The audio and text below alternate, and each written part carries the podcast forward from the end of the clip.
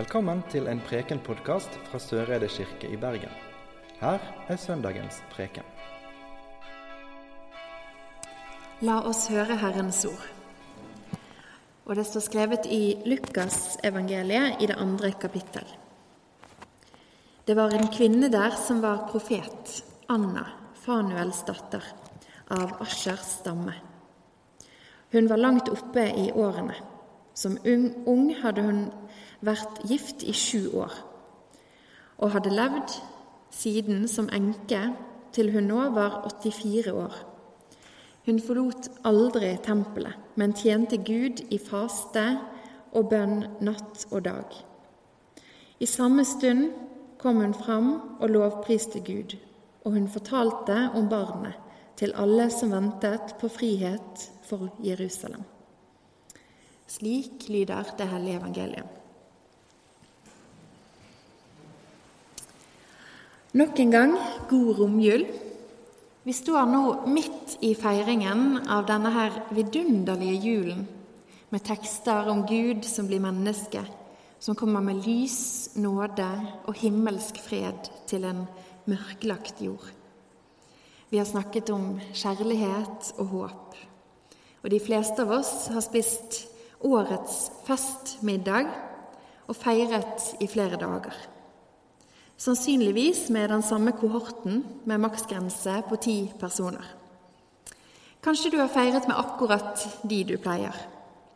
Eller kanskje du har hatt en ganske annerledes feiring. Uansett så er vi nå kommet til årets siste gudstjeneste, romjulssøndag. Og I dag så møter vi på flere kvinner, og de er til og med navngitt. Og det er ikke en selvfølge i Bibelen den som er skrevet ned av menn, som i tillegg skulle spare både blekk og datidens papir. Så her skjønner vi med en gang at det er noen viktige kvinner. Først så hører vi om jordmødrene Shifra og Pua i Egypt. Og de har fått et ganske heftig oppdrag av egypterkongen farao sjøl. De skal drepe guttebarna som blir født av hebreerkvinnene. Jentebarna de skal få leve, men guttene de skal drepes under fødselen. Shifra og Pua de lyger til farao og sier at hebreerkvinnene de er så sterke at de føder før jordmødrene rekker å komme. Det er jo en løgn, det er ikke sant. Disse her to de hjelper til med fødslene, uansett om det er jente eller gutt. Og når barna er født, så er det ikke noe kongen kan gjøre med disse barna, uansett hvilket kjønn de har. Og dette er bakgrunnen for at Moses sendes ned Nilen i en stråkurv og blir tatt opp av faraos datter, og at han da blir oppdratt som en prins Moses er jo, som vi vet, den som fører folket ut av Egypt. Å redde guttebarna det blir derfor et kjempeviktig oppdrag for disse jordmødrene Shifra og Pua. Og fordi at de er modige nok til å redde disse guttebarna, så blir altså folket fri fra slaveriet, og israelsfolket får reise hjem til det lovede land.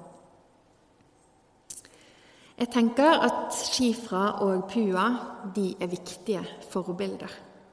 For de gjorde det de mente var riktig, selv om det helt sikkert var ganske så skummelt. Men jeg tenker at det må ha vært godt å ha hverandre i dette oppdraget. Og så har vi Anna. Vi møter hun i tempelet i Jerusalem. Det som i dag bare står igjen som det som kalles for klagemuren. Der hadde hun viet sitt liv. Det er noen som eh, har regnet på det, og det anslås da at hun har vært i tempelet i 60 år. Det kaller jeg i hvert fall dedikasjon. Anna hun er profet. Og når vi møter hun, så er det fordi at Josef, Maria og Jesusbarnet de kommer til tempelet. Og det var skikken at etter en renselsestid etter fødselen var over, 33 dager etter at guttebarnet var omskåret, Så skulle de nybakte foreldrene ta med seg enten et par turtelduer eller to dueunger og ofre de i tempelet. Og Josef og Maria de var jo oppdratt i Moseloven. og Derfor så dro de til tempelet, lydige som de var, for å gjøre dette. Og Der møter de altså Anna, en gammel enke som er profet. Og Når hun får se Jesusbarnet, så bryter hun ut i en lovprisning til Gud. Jeg ser for meg at hun nesten løfter opp dette barnet, sånn som vi av og til gjør når vi har dåp. At hun løfter opp det barnet hvis det var greit for Maria. da. Og Maria hun vet jo hvem det er hun har født. Det har jo engelen fortalt henne. Men det må kanskje være litt deilig for Maria likevel at Anna òg bekrefter det som Maria har fått beskjed om. Jesus han er frihet og frelse for Jerusalem, for israelsfolket. Han er Messias, den de har ventet på. Den nye Moses, som skal frelse folket en gang for alle. Og Det neste vi får vite om denne lille familien på tre, ifølge Lukasevangeliet, det er at de deretter reiser hjem til Nasaret. Og der vokser gutten opp og blir sterk, fylt av visdom, og det står at Guds nåde er over han. Og vi vet jo hva som skjer videre med dette lille barnet.